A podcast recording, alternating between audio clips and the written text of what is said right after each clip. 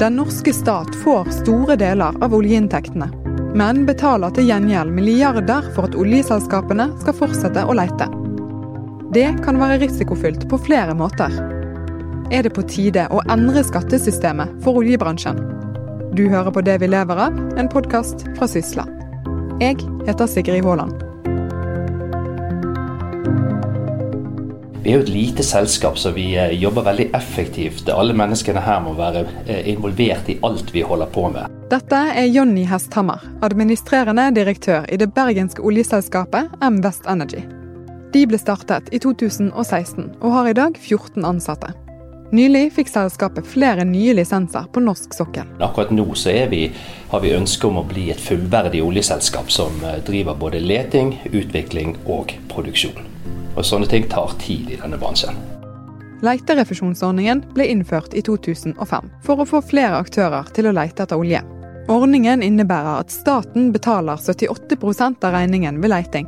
Vi har startet flere oljeselskaper eh, de siste ti årene, og det har vært leting som har vært vårt fokus. Uten leterefusjonsordningen hadde ikke vi gjort det. Så enkelt er det. Vi kan ikke drive den virksomheten vi eh, driver. Den, det koster så mye å lete etter olje og gass på norsk sokkel. Og det er helt umulig å se for seg at et lite selskap skal kunne ta hånd om det.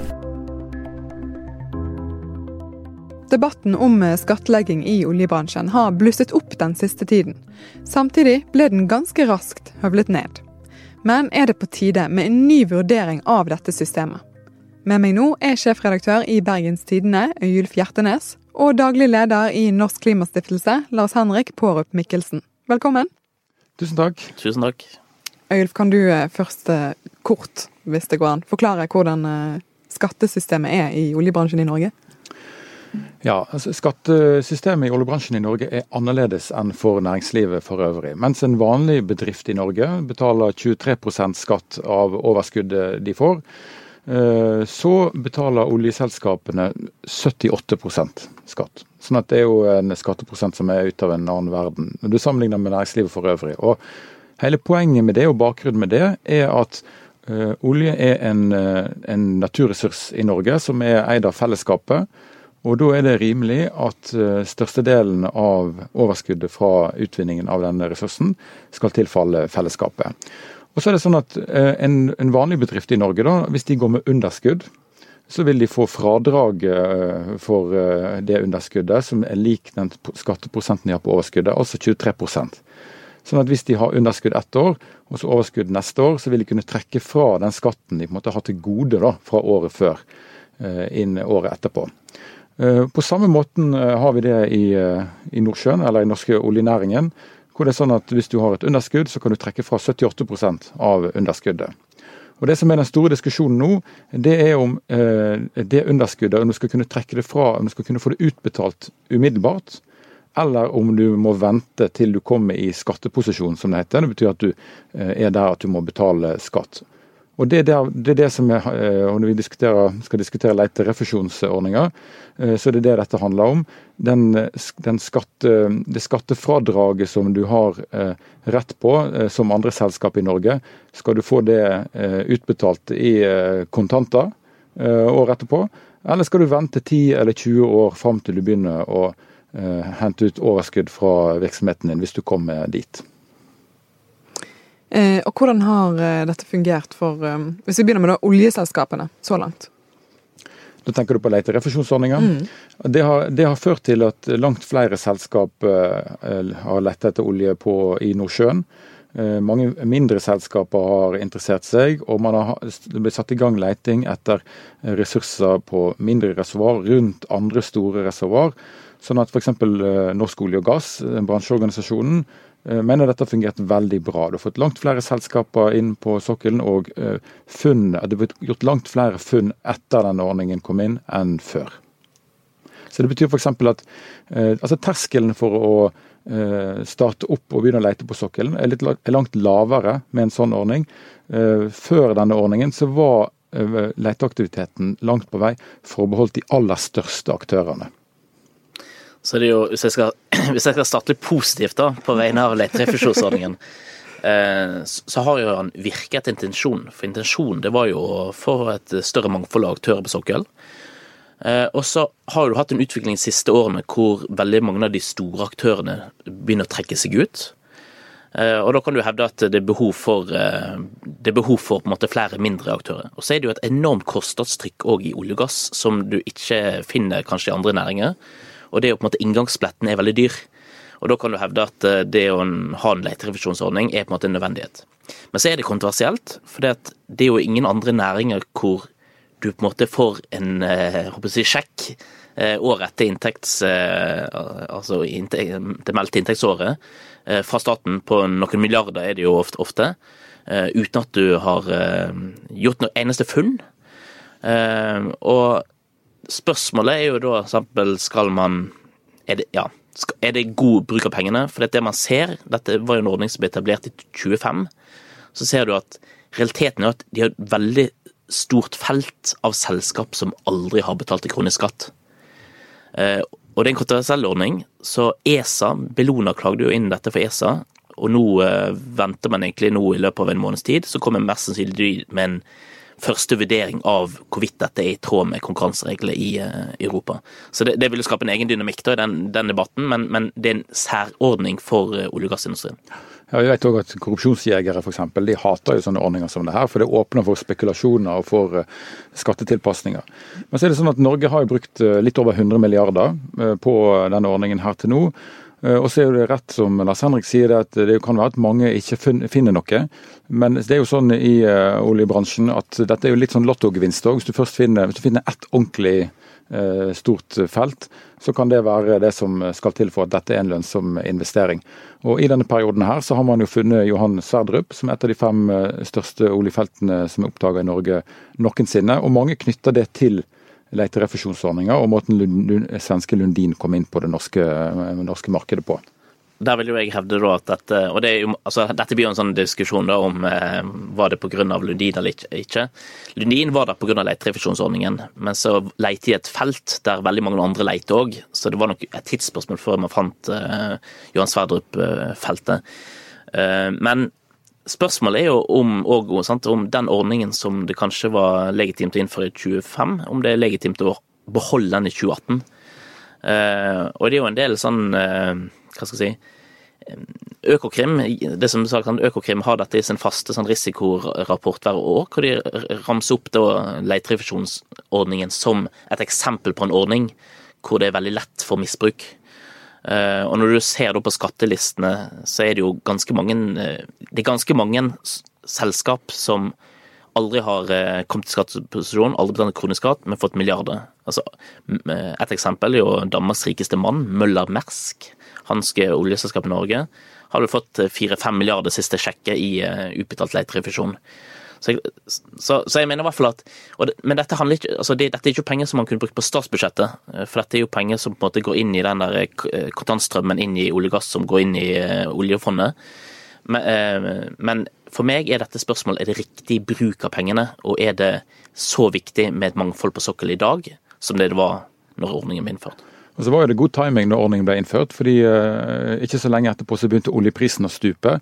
Og Det er jo mange ting som kan tyde på at den leterefusjonsordninga som vi hadde gjennom denne oljenedturen i Norge, det gjorde den bunnen som vi landa på langt eh, mindre djup enn den ellers ville vært.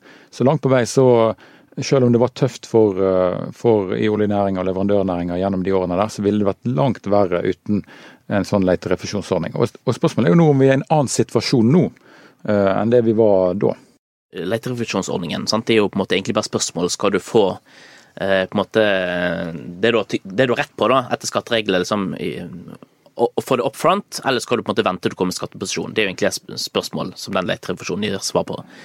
Men det er klart at det er jo andre deler av skatteregimet som jeg mener er problematisk. Og sånn For, for uh, Klimastiftelsen sin del har jeg vært opptatt av å, hvordan få ned statens risiko ved nye investeringer. Eh, og da er det f.eks. sånn investeringer som har veldig lang, lang tidshorisont. Eh, og det som alle ønsker med skattesystem, det er at det skal være et nøytralt skattesystem. Og det betyr at for selskapet så skal en investering som er lønnsom eh, etter skatt, eller før skatt skal være lønnsom etter skatt. Det er på en måte målet som alle jobber for. Og så er det en diskusjon er skattesystemet nøytralt eller ikke. Og Der oppdager jeg at uh, før, i forbindelse med statsbudsjettdiskusjonen, så var det en del spørsmål til Finansdepartementet fra ulike partier på Stortinget. Og Da skriver Finansdepartementet at de mener at i dagens system det er helt riktig at det er 78% som da selskapene får tilbake investeringene, men når du da legger til eh, avskrivningsregler, fradragsregler, så er den reelle på en måte, eh, selskapenes reelle andel av investering det er kun på 12% så verdien egentlig av skattesystemet er langt høyere enn de 78, så 12 er det så det som Finansdepartementet sier, er det den andelen selskapene betaler sjøl. I et nøytralt system så burde det vært nærmere 25. Eh, så jeg, mener at andre, Hvis jeg skulle valgt, da, så er det andre deler av skattesystemet jeg først vil endre på, enn å gå til løs på letterefusjon. Men det er klart, de reglene som er inne på, avskriving, letterefusjon, så er jo det sånn at det, det må jo også ses i lys av at uh, nesten hele overskuddet tilfaller staten og oss alle. sånn at Det er jo en helt spesielle ordninger for, uh, for oljenæringa. Men det er interessant poeng dette med risiko. da, fordi det er klart at en, en sånn ordning som dette her kan føre til en overinvestering. Eh, på sokkelen. At det blir, det blir, det blir uh, mer gunstig enn det egentlig markedet tilsier å, å lete. Og at man da får en uh, overinvestering, overinvestering, som staten er med på å bruke penger på. Og som senere viser seg å ikke slå positivt ut. Og En ting er på en måte det økonomiske i det, men den store risikoen på sikt her handler jo mer om oljen sin plass i energiforbruket, og hva, hvor tror man det går. Eh, og hvor mener man at det, at det bør gå. For det, den, Når alt kommer til alt her, eh, og vi diskuterer de tingene her, så eh, blir fronten mellom hvem er det som er opptatt av penger og arbeidsplasser i Norge, og hvem er det som er opptatt av de langsiktige klimaspørsmålene. Og De som er opptatt av penger og arbeidsplasser, de vil veldig fort avfeie spørsmålet om klima med at ja, det er ikke det er ikke ideelt med olje, men det er langt bedre med norsk olje enn andre sin olje. Sånn at man vasker litt sine hender, hender på den måten. Så det er mange debatter som møtes her eh, i debatten om leterefusjonsordninger. Hei der, unnskyld at jeg forstyrrer. Mitt navn er Kristian Kofod, og jeg jobber med annonsering i Sysla. Har du lyst til å snakke direkte med flere tusen næringslivsinteresserte i hele Norge? Ta kontakt med meg på e-post christian.kofod krøllafa skipsted.no. Det er Christian med K, og Kofod, K-O-F-O-D, krøllalfa, skipsted.no. Takk for tida di. Tilbake til Sigrid. Nå er jo ikke det så veldig lenge siden Espen Barth Eide, Arbeiderpartiets klimapolitiske talsperson, gikk ut og eh, åpnet for at man eh, skulle debattere denne ordningen. Men hva var det egentlig han mente, og hva var reaksjonene? Det Espen Barth Eide sa, var at uh, kanskje var det på tide å diskutere denne ordningen på nytt. Han mm. diskutere denne ordningen på nytt, det var det han, eh, det var det han sa.